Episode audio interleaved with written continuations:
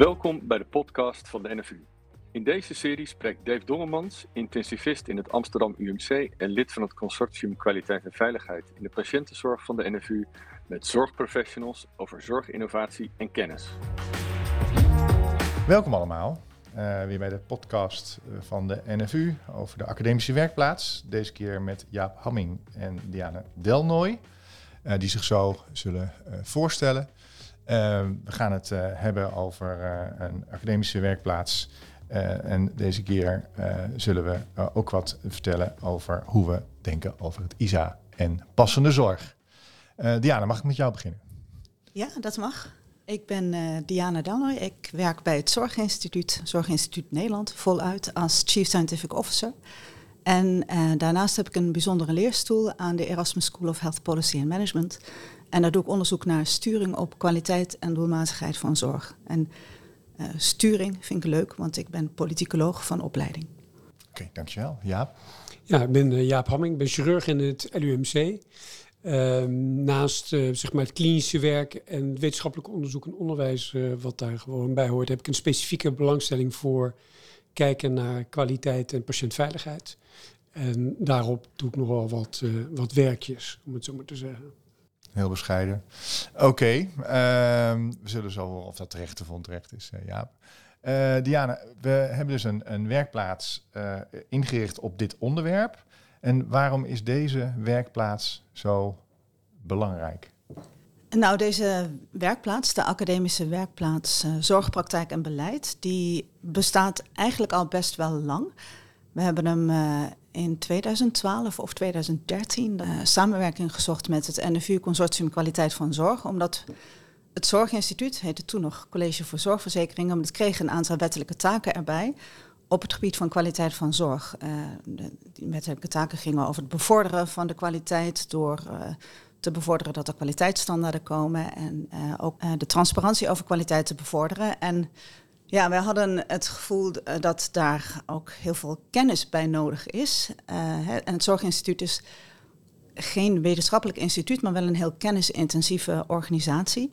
Dus onderzoek is voor ons belangrijk in het doen van ons werk. En uh, nou, die, die, samenwerking die we destijds hebben gezocht met het NFU Consortium Kwaliteit, is uiteindelijk, heeft dat de vorm gekregen van een academische werkplaats. Waarin we ja, proberen die systeemwereld waar wij in zitten en de wereld van de professional, uh, waar kwaliteit gemaakt wordt samen met patiënten, om die dichter bij elkaar te brengen.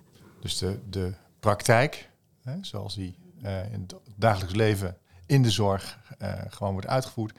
En het beleid dat daarvoor moet zorgen dat het zo wordt ja, uitgevoerd als we en, hebben bedacht. Ja, en vooral ook om daar vanuit onze positie meer zicht op te krijgen. Hè? Want uh, er werken bij ons veel mensen, veel mensen ook wel uh, uit de zorg zelf, dus die kennen de praktijk.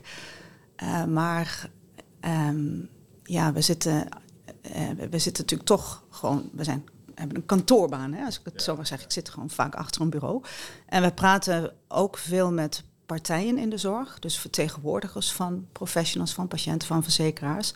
Maar die echte blik op die werkvloer, uh, ja, da daarvoor kun je allerlei manieren bedenken. Werkbezoeken doen we ook. Maar uh, ik vind zelf onderzoek doen naar wat daar gebeurt ook een heel belangrijke input voor ons werk. Ik denk dat er uh, de reden waarom we dit onderzoek graag in een academische werkplaats doen, waar we ook zelf gewoon interactief mee kunnen werken, is dat we de resultaten van het onderzoek ook willen gebruiken om zelf ons werk beter te doen. Hè? Om, om, want ja, we, we kennen denk ik allemaal het probleem van de implementatie van richtlijnen kreeg daar ook wel eens vragen over van, uh, nou ja, van, van mensen uit, uit andere takken van sport. Waarom duurt het nou zo lang voordat het geïmplementeerd wordt? Uh, en het, dat is dan toch best wel lastig uit te leggen. En, um, en er, zijn, er liggen heel veel. Uit te leggen of ook te begrijpen? Nou, te begrijpen ook, hè, want het is heel complex. Dus er, er is veel onderzoek naar gedaan, dus je kan wel een aantal factoren opnoemen. Um, maar voor mij is dan altijd een belangrijke vraag van ja, maar wat kunnen wij nou vanuit onze positie uh, bij het Zorginstituut uh, daaraan doen om het in ieder geval een, st een stapje dichterbij te brengen? Hè? Want wij kunnen dat, we hebben geen, uh, geen toverstafje nee, om nee. het in één keer te regelen. Ja, kijk even naar de overkant van de tafel, want ja, heb jij dat toverstafje dan? nou, dat zou te mooi zijn, denk ik. maar ik herken wel heel erg wat Jan zegt over het probleem wat er speelt. En dat is ook de reden waarom we dat onderzoek uh, zijn gestart. Om te kijken van hoe komt het nou eigenlijk dat die richtlijnen zo moeizaam, soms, niet altijd, maar soms in de praktijk uh, grond vinden. En aanvankelijk was er eigenlijk de gedachte van, nou, we moeten onderzoeken hoe dat komt. En toen hebben wij eigenlijk bedacht van, nou, misschien is dat wel niet de goede weg. Misschien moeten we eigenlijk begrijpen waarom het zo moeilijk is om die richtlijnen in de dagelijkse praktijk in te voeren. Wat hebben nou professionals eigenlijk nodig aan kennis? En waar komt die kennis nou precies vandaan? Om te begrijpen hoe je dan ook op die manier richtlijnen op een goede manier zou kunnen doen. want een van de grote problemen voor professionals van richtlijnen is dat ze heel erg groot en om veelomvattend zijn. En dat is natuurlijk omdat je alle argumenten voor en tegen daarin moet hebben staan. Uh, maar het probleem is dat je dan eigenlijk niet makkelijk kan vinden uh, wat voor die specifieke patiënt op dat moment voor jou de relevante informatie geeft. En dan ook nog is natuurlijk het probleem dat die richtlijnen heel erg gebaseerd zijn op de principe, principes van evidence-based medicine, wat natuurlijk terecht is. Maar zodra het komt dat er lagere evidence is, dan krijg je heel veel overwegingen boven, beneden, links, rechtsom. Dat een professional zegt, ja, wat, moet ik hier nou eigenlijk mee? We hebben geprobeerd er een beetje metafoor voor te verzinnen. Ja. Uh, want een van de problemen is natuurlijk dat de kennis op basis waarvan de richtlijnen worden geformuleerd, is natuurlijk enorm en die verandert heel snel.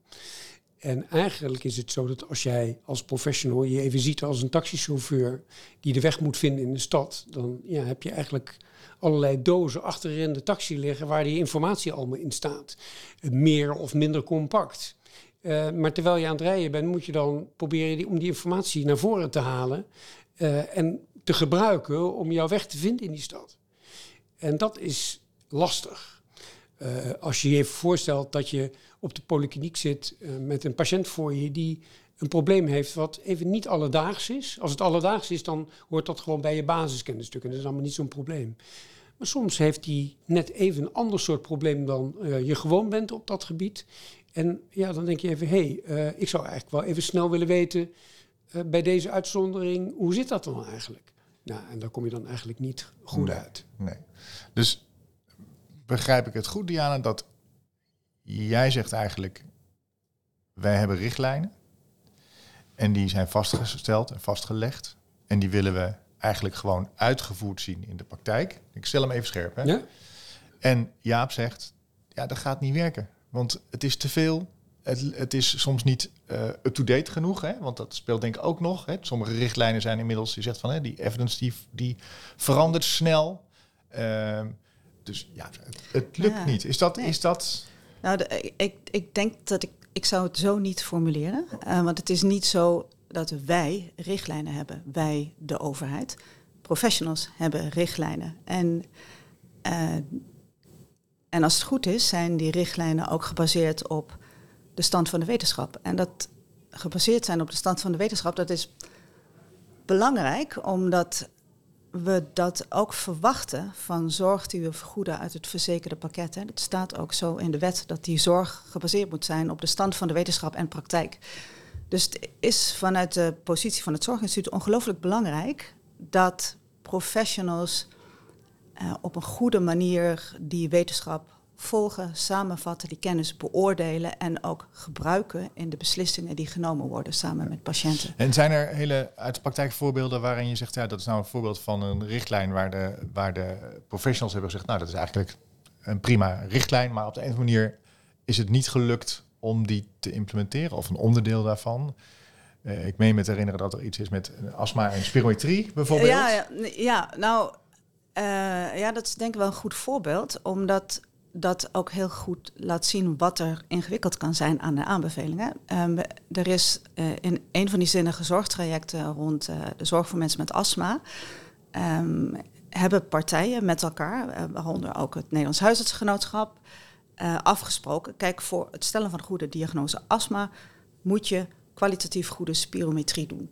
En dat is een medisch inhoudelijke aanbeveling. Daar is ook eigenlijk iedereen het wel over eens. Hè, er bestaat geen discussie over. Maar vervolgens um, roept het dan de vraag op: ja, maar als je dat dan heel consequent wil gaan toepassen, hoe moet je dat dan organiseren? Doe je dat dan in je eigen huisartspraktijk, of doe je dat in een huisartsenlab, of doe je dat in het ziekenhuis. Er komt best wel veel bij kijken om die spirometrie goed uit te voeren. En uh, binnen de academische werkplaats is er een, promovendus, Andrea Toonse, die volgt in het kader van een promotietraject dat zinnige zorgtraject en de aanbevelingen die daaruit voortvloeien. En zij, uh, ja, zij beschreef dat uh, een keer in een, in een overleg van het promotieteam, wat ze daar tegenkwam. En dat het dan ging om de vraag, maar hoe doe je dat dan? Hoe organiseer je dat dan? En dat vond ik een heel mooi voorbeeld, omdat het laat zien dat de medisch-inhoudelijke kant van zo'n aanbeveling heel, vaak heel erg verweven is met de vraag hoe organiseer je dat? En ja, hetzelfde zie je bij volumenormen, daar is het heel duidelijk. Hè. Dat is niet alleen maar iets medisch inhoudelijks, nee, dat heeft ook directe consequenties voor de organisatie van de zorg. En ja, dan wordt het ingewikkeld. Ja, dus het wat is heel duidelijk omschreven, maar wat, hoe wat niet. maar hoe, ja. En, Ja. En, daar, en dat kan ook, hoe je dat dan gaat invullen, dat kan me voorstellen dat dat ook eh, per locatie kan verschillen. Ja. Hè, dat regel je misschien niet overal op dezelfde manier. Is het herkenbaar, Jaap? Is dat, Ja, dat is herkenbaar. hè. Dus in mijn eigen vak, in de vaatchirurgie, zie je dat heel sterk als het gaat over etalagepenen. Hè? Dus mensen die moeite hebben met lopen omdat er verstoppingen in de bloedvaten zitten. Er staat heel duidelijk in de richtlijn dat mensen eerst eh, gesuperviseerde looptraining moeten krijgen om te kijken om hun eigen, zeg maar, collaterale nieuwe bloedvaatjes te maken. En dat betekent dus eigenlijk dat je geen interventie moet doen voordat dat is gebeurd. Nou, dat is heel helder en daar is ook de hele beroepsgroep het over eens. Maar je ziet behoorlijk nog wat praktijkvariatie in Nederland als het gaat, en dan kijk je even naar declaratiedata, over eh, wanneer er of wel of niet die interventie gebeurt. En ehm, dat is eigenlijk een heel makkelijk voorbeeld van wat er goed gaat, hè, wat, hoe je richtlijn heel goed kan, kan inrichten. Eh, en waar je ook, denk ik, met elkaar ook wel in het kader van ehm, nou, zinnige zorg moet zeggen met elkaar, ja, dat moet je echt doen. Als je dat niet doet, dan moet je eigenlijk zeggen, dat is geen goede zorg. Hè, daar, is eigenlijk wel iedereen het over eens. Maar ehm, dat is dus makkelijk, want dat is heel duidelijk. Maar er zijn natuurlijk aan de andere kant allerlei situaties denkbaar waar dat wat ingewikkelder is. Of, ehm, en ook de patiënten zelf veel eisend zijn op dat gebied. Die zeggen, ja, maar ik heb, kan moeilijk lopen, zit een verstopte slagader, dus dokter, doe er wat aan. Hè, eh, en dan zegt die dokter, zeg, ja, ga maar eerst maar eens even meer lopen. Dus, dat, hè, dus je ziet daar een spanningsveld komen, eh, zowel voor die, die, die dokter die graag zegt van, oké, dit is de goede weg om te gaan. Die patiënt die eigenlijk zegt, ja, maar mijn verwachtingen liggen heel erg anders. Dus waarom doe je niet gewoon eh, eh, wat er zou moeten gebeuren? Nou, dat leidt tot, soms tot... eh, Ehm, want waar we het nu eigenlijk over hebben, is de, is de implementatie van, van richtlijnen. Hè? Ehm, en het maken van een richtlijn eh, met elkaar is een, al een ingewikkeld proces. Ehm, maar vervolgens ook nog zorgen dat het geïmplementeerd is en wordt en blijft. Eh nou, je had het net al over praktijkvariatie. Eh, dat is ook wel iets waar je ja, op de een of andere manier achter moet komen. Hè? Hoe, hoe, hoe, zit dat nu in die beroepsgroep? Hoe, hè, waar zijn de, de, de leggers? en Waar zijn de mensen die vooruitlopen en willen? Ehm, maken jullie daar in die... Want kijk je, want jij bent, hè, Jaap, je bent nu aan het kijken naar... Ja, hoe, hoe worden die richtlijnen nou eigenlijk ontvangen door de praktijk? Kijken jullie naar dat soort dingen? Eh, hoe, hoe, wat, is, wat is de blik op dit probleem, hè, dit implementatieprobleem? Ja, dat betreft, dat zit eigenlijk niet nu in het onderzoeksplan, maar we zijn daar wel eigenlijk nu al over aan het nadenken van wacht even, misschien moeten we een stap extra zetten. Eh, omdat dat ook wel iets makkelijker is om te onderzoeken, omdat die getallen er natuurlijk gewoon zijn. Hè. Denk ook maar bijvoorbeeld aan een galblaasoperatie doen als er galstenen zijn. Ja, dat is eigenlijk, als er maar heel beperkte klachten zijn, is heel duidelijk dat je dat eigenlijk juist niet moet doen. En Vooral ook omdat die klachten ook gebaseerd kunnen zijn op andere eh, afwijkingen dan alleen maar die galstenen. Dus het hebben van galstenen is niet op zich een reden om die galblaas eh, te verwijderen. Maar, en dat is alweer wat, wat ouder onderzoek, en ik weet niet hoe de stand van zaken op dit moment is, maar dat is zeker iets wat we willen nagaan, is dat je regionaal grote verschillen ziet in het aantal galblaasoperaties die gedaan wordt, zonder dat je zou kunnen zeggen dat de klachten heel erg verschillen in de regio's tussen de patiënten met galstenen. Dus dat geeft een teken aan dat hier en daar wat makkelijker die stap wordt genomen om die operatie te doen dan op andere plaatsen. En eigenlijk zou je hem willen omdraaien, hè? want je zou willen kijken daar waar wordt de zorg nou verleend zoals we eigenlijk zouden verwachten dat die verleend wordt. Hè? Dus, ja, eh, en ik, dus het is heel net, net wat je zei, heel goed denk ik, is dat hoe vinden we nou eigenlijk diegene die de zorg op de juiste manier uitvoeren, zoals wij met elkaar en het Zorginstituut en, en uh, de, de juiste zorg. Ehm, hoe, waar vinden we die mensen die dat nu op dit moment doen? Dat weten we, dat, dat weten we eigenlijk niet. En uh, ja, ik vraag het toch maar, hebben jullie al gedacht aan oplossingen? Of, of, we modderen maar voort in het leven. Hè? Uh, een voorbeeld uh, is het project Next Generation Health Technology Assessment. Dat valt niet onder de werkplaats, maar dat, daar participeert het Zorginstituut in. Waarin we echt kijken naar de mogelijkheden van real-world data, ook voor toepassingen, niet alleen in pakketbeheer, maar ook echt in, in samen beslissen. En daar zie je wel dat je met, met AI en machine learning en zo best wel een eind komt, ook met ja, persoonsgerichte predictiemodellen. Dat zijn allemaal hele kleine voorbeelden van demonstraties van hoe de toekomst eruit zou kunnen zien. Maar het betekent als we daar naartoe willen, dat we wel nu ook een aantal stappen moeten zetten op het gebied van ja, onze, onze informatiehuishouding in de zorg. Dus dat lijkt me belangrijk. En praktijkvariatie. Nou, er, loopt binnen de academische werkplaats ook een, een promotieonderzoek waarin um, gekeken wordt naar het effect van spiegelinformatie.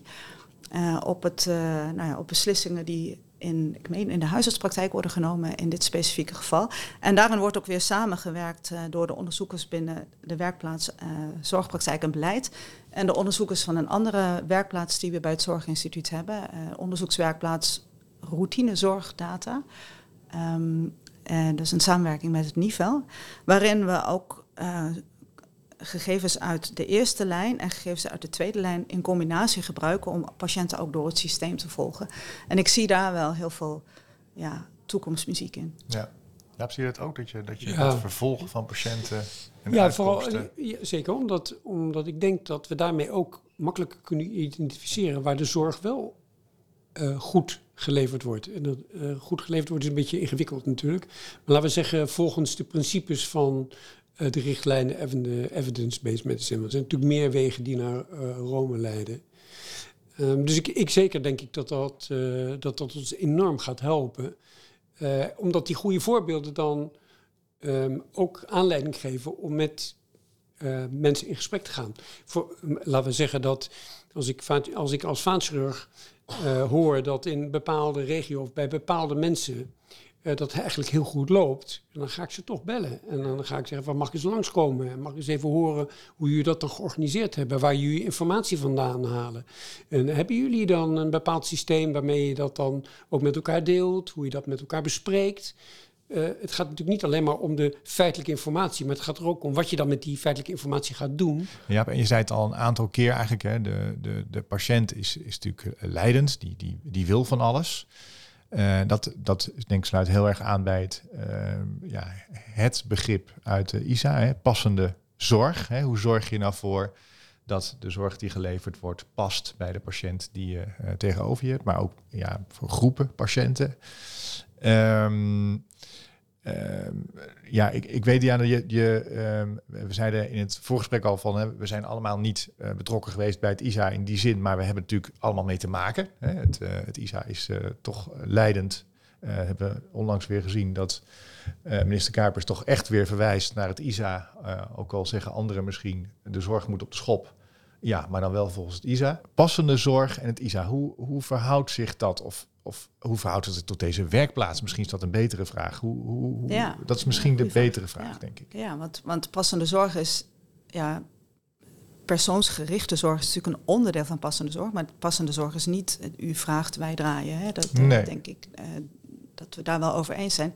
Ja, ik, ik zie um, het begrip passende zorg eigenlijk als een soort nieuwe operationalisering van kwaliteit. Want allerlei elementen, uh, de verschillende domeinen van kwaliteit uh, vind je daarin terug. We zeggen de zorg moet effectief zijn, uh, kosteneffectief, waarde toevoegen voor de patiënt, maar moet ook persoonsgericht zijn, dus passen bij wat deze patiënt op dit moment in zijn traject nodig heeft. De zorg moet doelmatig georganiseerd zijn, tijdig, toegankelijk en dergelijke. Nou, dat zijn allemaal, ja, het gaat feitelijk over de invulling van kwaliteit van zorg. Dus ik, passende zorg is denk ik ook in die zin dan een heel belangrijk begrip voor deze werkplaats.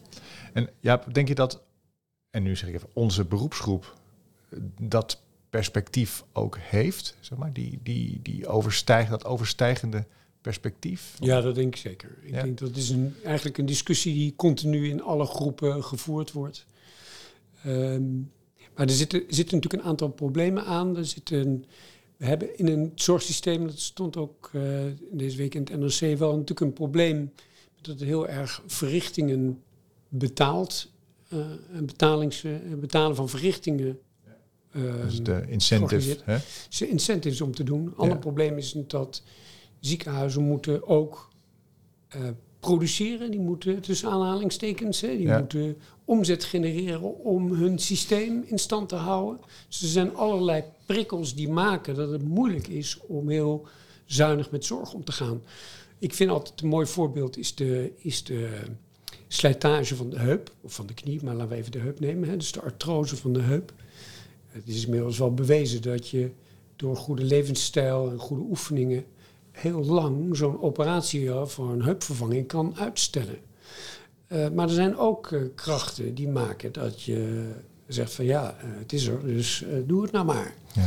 En dan zie je ook weer dat daar een, een, spanning op komt te staan waarvan ik zeg van ja, daar moeten we toch met elkaar over in gesprek, maatschappelijk. nog maar niet hebbende over medicijnen die maar een hele beperkte kwaliteit van leven toevoegen en misschien een minimale levensverlenging. Allemaal hele moeilijke discussies.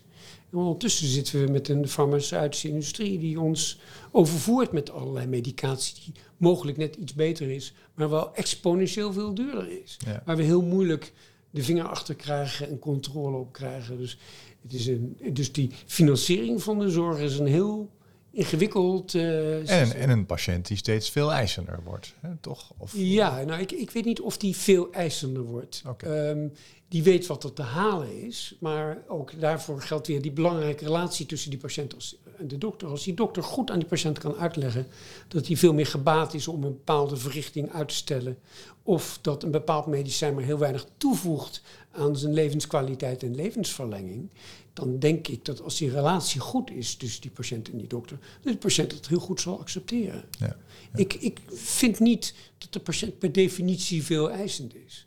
Oké. Ja, speelt dit nog een rol uh, als het gaat over, want daar zijn jullie toch echt van, hè, wat wordt er nou vergoed? Welke zorg? Hè, als het nou gaat over hele dure medicijnen, als het gaat over ja, heupvervangingen die, laten we versimpelen het een beetje, hè, want uh, dat, dat, is natuurlijk een, een, oneindig ingewikkelde discussie, maar heupvervangingen die niet nodig zijn, hè, waar je zegt van inderdaad... Of nog niet Of nog niet nodig. Luister, u bent 150 kilo, misschien eerst 50 kilo eraf, hè, of zo. Hè, dat, dat soort, ja, dat is toch gewoon aan de orde van de dag, denk ik.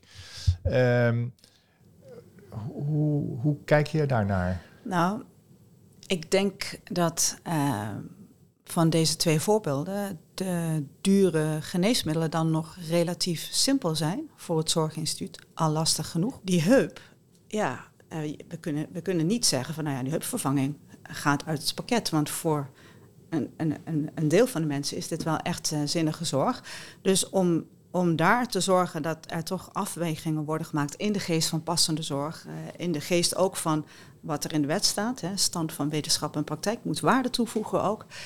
Um, ja, die, die beslissingen worden niet bij het zorginstituut genomen. Die worden in de spreekkamer genomen. Hè. Dus daarom is het ook zo belangrijk dat we dat beleid en die zorgpraktijk bij elkaar brengen. Niet alleen in de naam van de werkplaats, maar ook echt uh, uh, gewoon in, in hoe we de zorg besturen. Ja, dus we zijn nu eigenlijk terug bij het begin van ons gesprek. Hè. En dus uh, blijkt dat het, het ISA en passende zorg heel erg verbonden zijn met de werkplaats uh, waarin jullie uh, uh, bezig zijn. Zijn er dingen die we de revue hebben laten passeren die we niet voldoende hebben uitgediept of waarvan je zegt, ja, dat had ik toch graag nog wel even um, iets over willen zeggen? we hebben natuurlijk heel veel niet besproken, maar dat kan ook niet in zo'n korte tijd. Ja. Maar ik denk, wat ik nog wel kwijt zou willen is Um, kijk, wij vanuit het Zorginstituut verwachten wij van de zorgverleners dat ze steeds leren en verbeteren. En dat verwachten we eigenlijk ook van onszelf. Hè. Dus wij, wij, proberen ook een lerende organisatie te zijn. En in die zin vind ik het echt een enorm voorrecht om ook deel uit te kunnen maken van zo'n academische werkplaats als deze. Omdat dat ons ook in staat stelt om Ehm, nou, een beetje uit de hitte van het dagelijks werk te reflecteren op wat gebeurt er nou eigenlijk met adviezen die wij geven in bijvoorbeeld die zinnige zorgtrajecten, maar ook op allerlei andere uh, plekken. Hè. Hoe, hoe vinden die hun weg naar de praktijk? Vinden ze hun weg naar de praktijk? We doen dat uh, zo goed als we kunnen en de manier waarop we nu te werk gaan is dat we dan toch wel veel praten met partijen op landelijk niveau. En, en daarmee ben je deels ook afhankelijk van hoe die partijen dat dan vervolgens weer verder brengen. En ja, of dat, of dat altijd een handige manier is, weet ik niet. Daar ben ik ook erg benieuwd naar de resultaten van het, uh, van het onderzoek waar uh, Jaap het over heeft. Want weet je, als je hoort, stel dat er uitkomt professionals al hun kennis opdoen op wetenschappelijke congressen waar ze naartoe gaan, ja. nou ja, dan moeten we daar gaan staan. Ja, ja. Dus uh, in die zin vullen die twee onderzoeken elkaar ook mooi aan. Uh, ik denk dat het ook een, een mooie afsluiting is. Uh, dank jullie wel uh, voor het gesprek. En ik denk dat we weer een boel wijzer zijn en ook vooral weten wat we niet weten. dus er is nog veel werk te doen, gelukkig, want dan wordt tenminste een reden voor ons bestaan. nogmaals, dank jullie wel en tot ziens.